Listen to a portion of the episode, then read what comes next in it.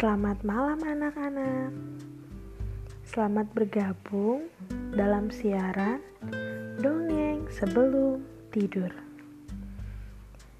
Sebelum mendengarkan dongeng Ibu mau tanya Apakah anak-anak sudah gosok gigi?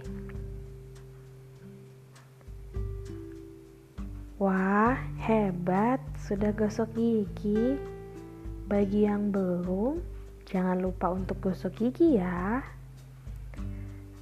Nah, sekarang waktunya kita untuk dongeng sebelum tidur.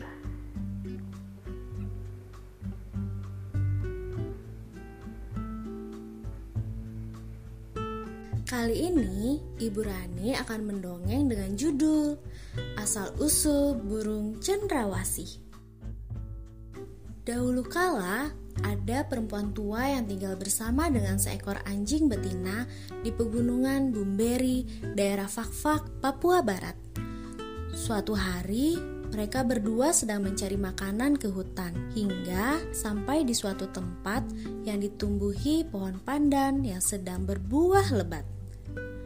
Perempuan tua itu mengambil buah dan memberikannya kepada anjing betina. Dengan lahapnya, anjing betina memakan buah pandan itu. Mendadak, perut anjing itu membesar dan tak lama kemudian melahirkan seekor anak anjing. Perempuan tua itu penasaran untuk mencobanya dan segera memakan buah pandan ajaib itu. Tiba-tiba, perut perempuan tua itu pun membesar dan melahirkan seorang anak laki-laki yang diberi nama Kueya.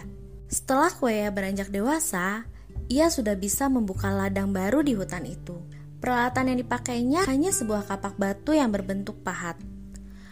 Pada suatu hari, ketika Kueya sedang menebang pohon, tiba-tiba ada seorang pria tua yang tampak berusaha mendekatinya. Kemudian, Pria itu memberikan kapak besi kepada Kueya. Dengan alat itu, ia dapat menebang pohon dengan cepat. Pada saat makan siang tiba, ibunya memanggil Kueya. Ia mengajak pria tadi untuk ikut makan di rumahnya dan akhirnya berkenalan dengan ibunya. Karena pria itu berjasa dalam hidupnya, si ibu menerima kehadiran pria tersebut sebagai pasangan hidupnya. Beberapa tahun kemudian, Kueya memiliki tiga orang adik, dua orang laki-laki dan satu orang perempuan.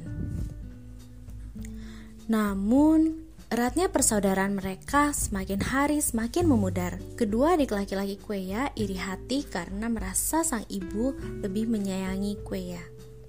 Pada suatu hari, mereka menyerang Kueya sehingga menyebabkan tubuhnya mengalami luka-luka yang cukup parah sekaligus membuatnya sangat sedih.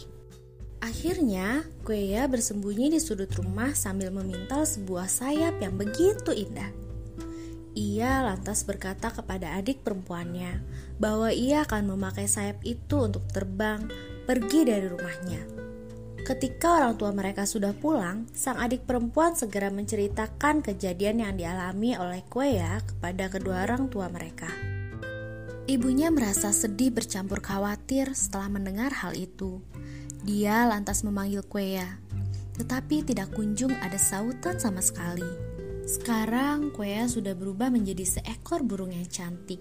Lalu ia berpindah ke dahan pohon dekat rumahnya itu.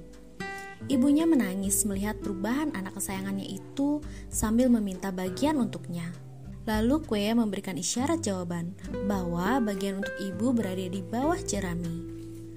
Ibunya segera bergegas mencari sayap itu dan berhasil menemukannya. Dan sayap itu langsung disisipkan pada ketiaknya. Kini Kuea dan ibunya menjadi burung yang cantik yang disebut burung cendrawasih. Mereka bertengger di atas pohon sambil berkicau dengan suara merdu. Anak-anak, dari dongeng yang kita dengar tadi, kita diingatkan agar kita saling mengasihi dan menyayangi saudara kita. Sekian dongeng sebelum tidur untuk malam ini. Sampai bertemu di dongeng berikutnya. Sebelum tidur, jangan lupa berdoa dulu ya. Selamat tidur, selamat beristirahat. Tuhan Yesus memberkati.